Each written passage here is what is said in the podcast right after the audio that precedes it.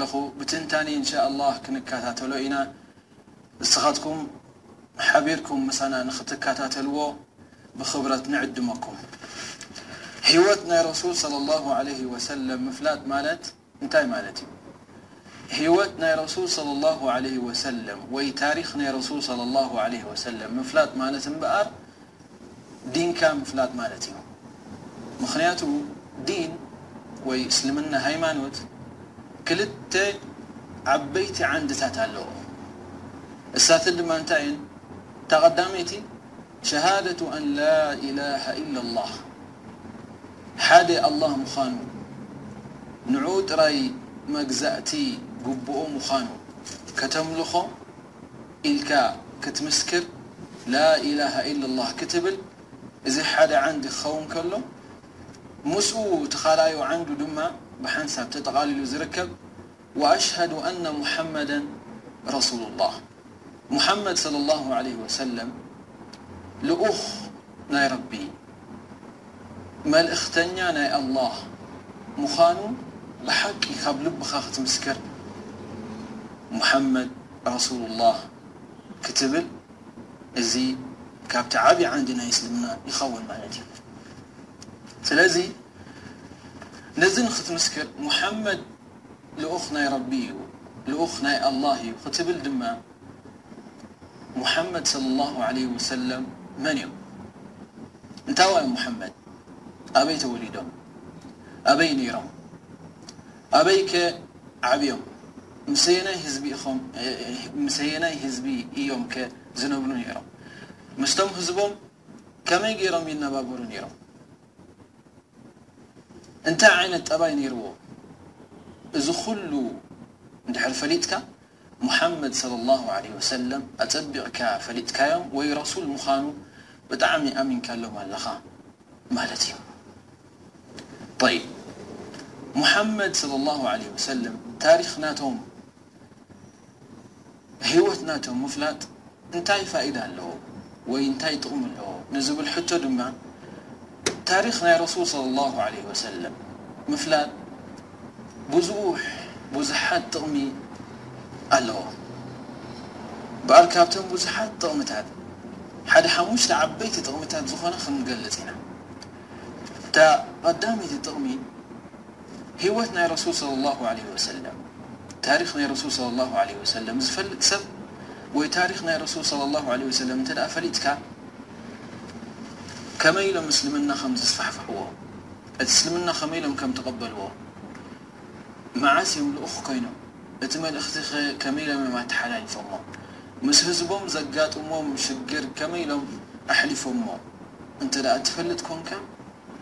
ቁርኣን ኣልከሪም ትርጉሙ ፈሊጥካዮ ማለት ኢኻ ምኽንያቱ ቁርኣን ኣልከሪም ናብ ረሱል ሰለላሁ ዓለይሂ ወሰለም እዩ ወሪዱ ብኸመይ ኣጋባብ እዩ ኸ ወሪዱ እንታይ ዓይነት መልእኽቲ እዩ ኸ ነይርዎ እንተ ደኣ ኽትርዳእ ደሊኻ ህይወት ናይ ረሱል ሰለላሁ ዓለይሂ ወሰለም ክትፈልጥ ኣለካ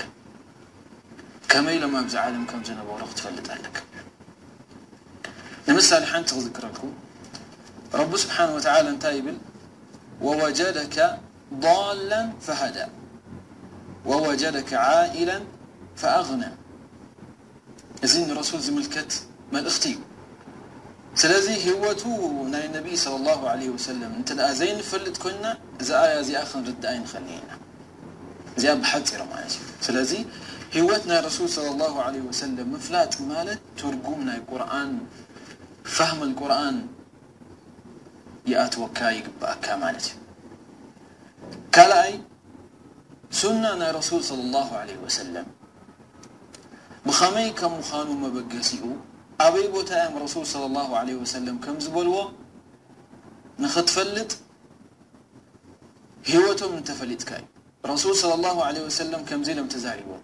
እሞ መዓስ እዮም ተዛሪቦም? ኣበይ ቦታ እዮም ተዛሪቦም? በየናይ ኩነታት እዮም ከ ተዛሪቦም? እንተድኣ ፈሊጥካዮ እቲ ህይወቶም፣ እቲ ዘረብኦም መዓስ ከም ዝበልዎ፣ ኣበይ ኩነታት ከም ዝበልዎ ክትፈልጥ ትኽእል። እዚ እቲ ካልኣይ ዓቢ ጥቕሚ ናይ ህይወት ናይ ረሱል ሰለላሁ ዓለይሂ ወሰለም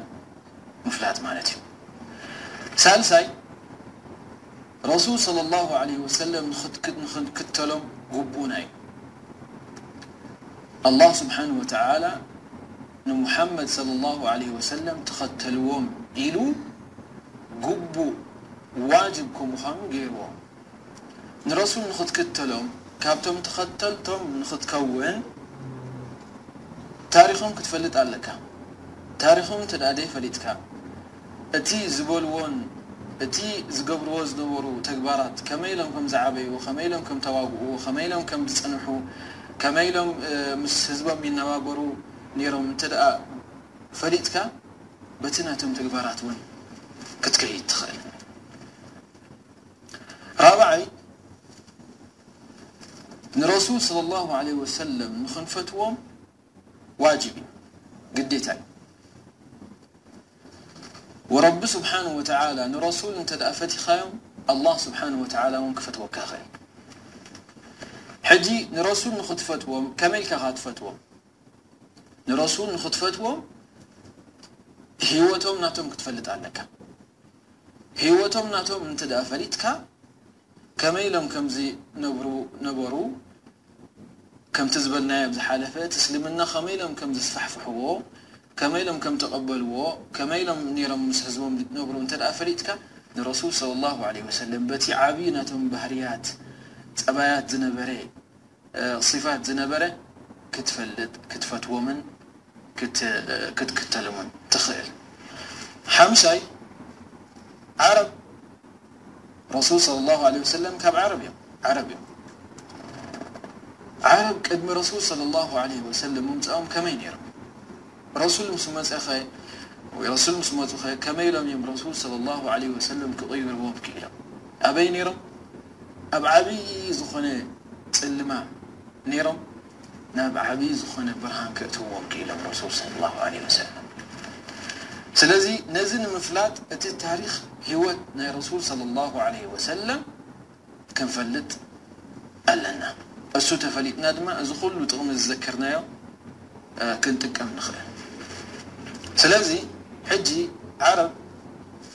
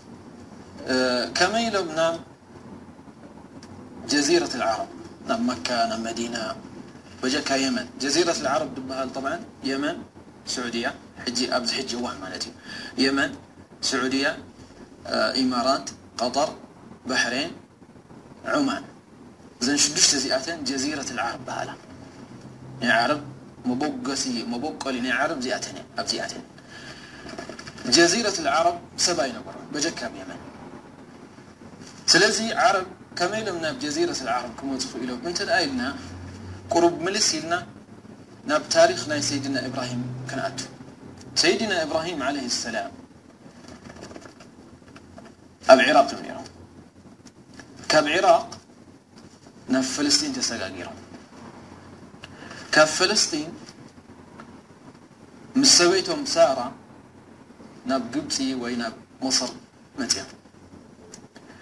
ሕጂ ኣብቲ ግዜ እቲ ዝነበረ ንጉስ ናይ ግብጺ ናይ ምስሪ ብጣዕሚ ሸረኛን ተንኮለኛን ንጉስ እዩ ነይሩ። ሳራ ሰይድ ሰይድና ኢብራሂም ዓለይሂ ሰላም ድማ ድበለጸትን ድጸበቐትን ከመይ ዓይነት ዝኸውን መልክዕ እዩ ነይርዋ። ስለዚ። እዚ ንጉስ እዚ ንነብሳ ደልይዋ ንሳ ድማ ናብ ረቢ ስብሓን ወተዓላ ዱዓ ገይራ ካብኡ ክትገላገል ኪኢላ ሕጂ መጺኣቶ እንድያ ሕጂ ምስ ዱዓ ምስ ገበረት ንዓ ክረኽባ ኣይከኣለን ኣውጹለይ ሸይጣን ኢኹም ኣምጺኹምለይ እምበር ሰብ ኣየምጽኹምለይን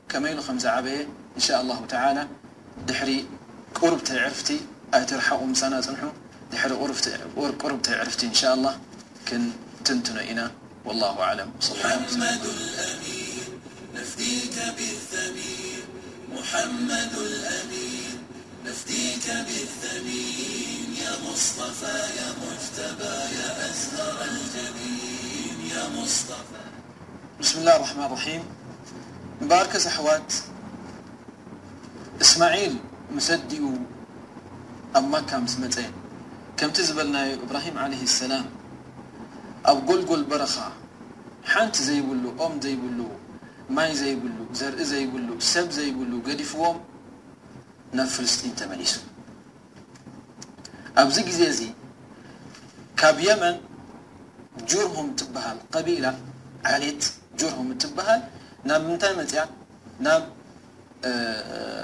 መካ መጽያ።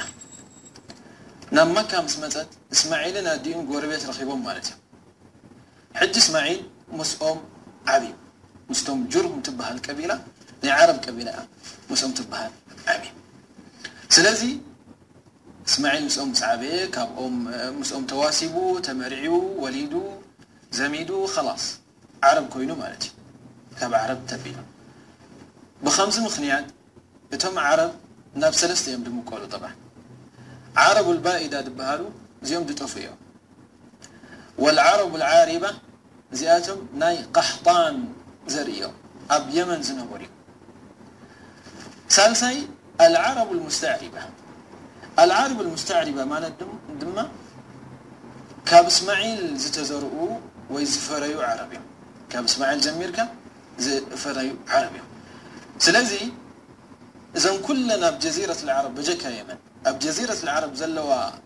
ቀቢላታት፣ ዓሌታት ኩለን ኣቢለን ኣቢለን ናብ እስማዒል እየን ዝምለሳ። መበቆሊኤን እስማዒል እዩ። ብሙሉኤን ዓረብ ኣብ ክሳይ ዘለዋ ኣብ ጀዚረት ኣልዓረብ በጀካ የመን ከምቲ ዝበልናዮ ማለት እዩ። ሕጂ እስማዒል ዓለይሂ ሰላም ዓብዩ ከምቲ ዝበልናኩም ዓሰርተ ክልተ ቆልዑት ወሊዱ። እዞም ዓሰርተ ክልተ ቆልዑት ዓብዮም።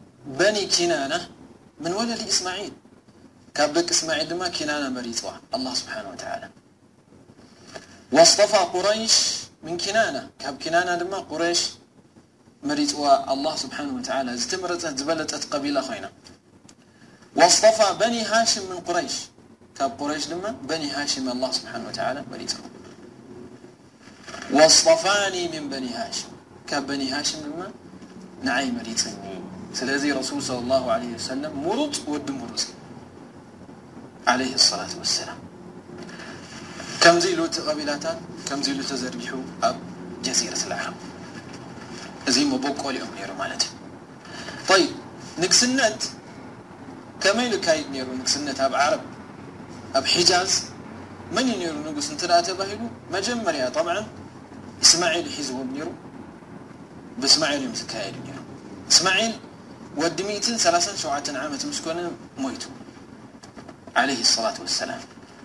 ድሕሪኡ ክልተ ደቁ ሒዞሞ። ክልተ ደቂ እስማዒል ምስ ሓዝዎ ከምኡ ኢሉ እቲ ንግስነት ይነብር ነይሩ። ድሕሪ ክልተ ደቁ ናብ።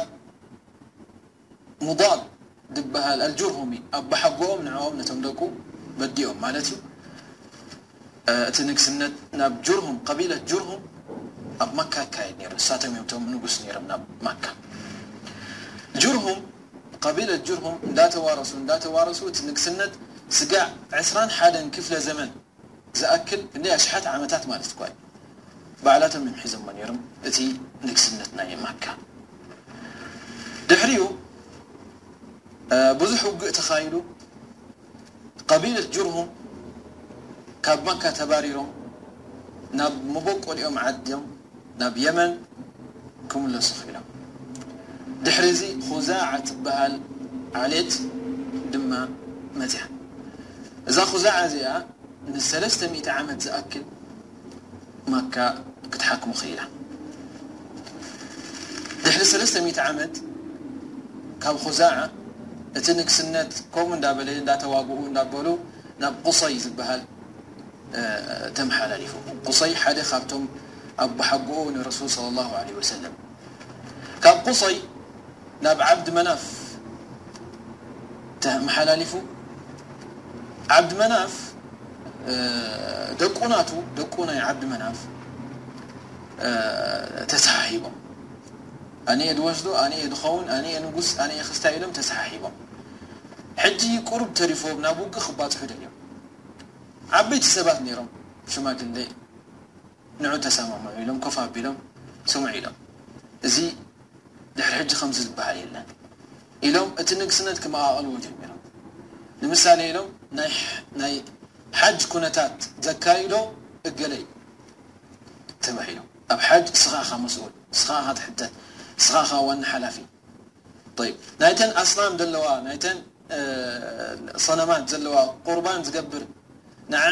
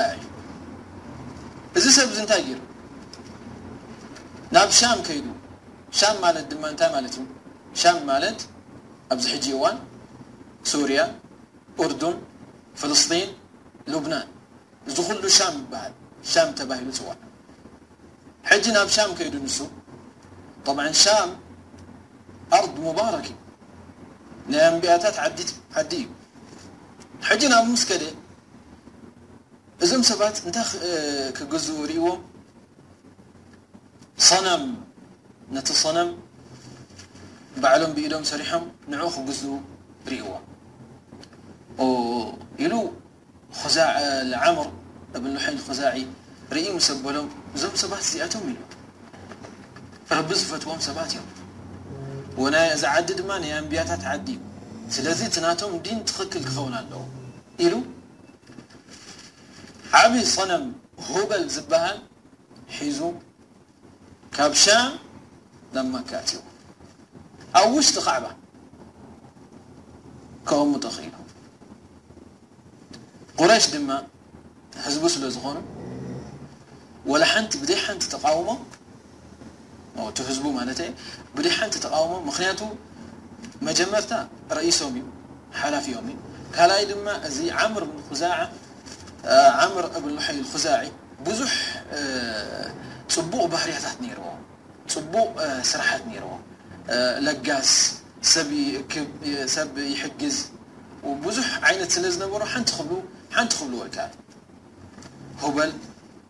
መጽዩ ናብ መካ እወል ሽርኪ ዘእተወ ናብ ሕጃዝ እምበኣር ዓምር ብን ሉሕይ ይበሃል ብኸምዚ ሽርኪ ተጀሚሩ ሕጂ እተን ካልእ ቀቢላታት ዘለዋ ኣብ ካልእ ዓድታት ዘለዋ ነዚ ምስ ረኣያ እምቧእ ንሕናስ ናትና ደይንገብር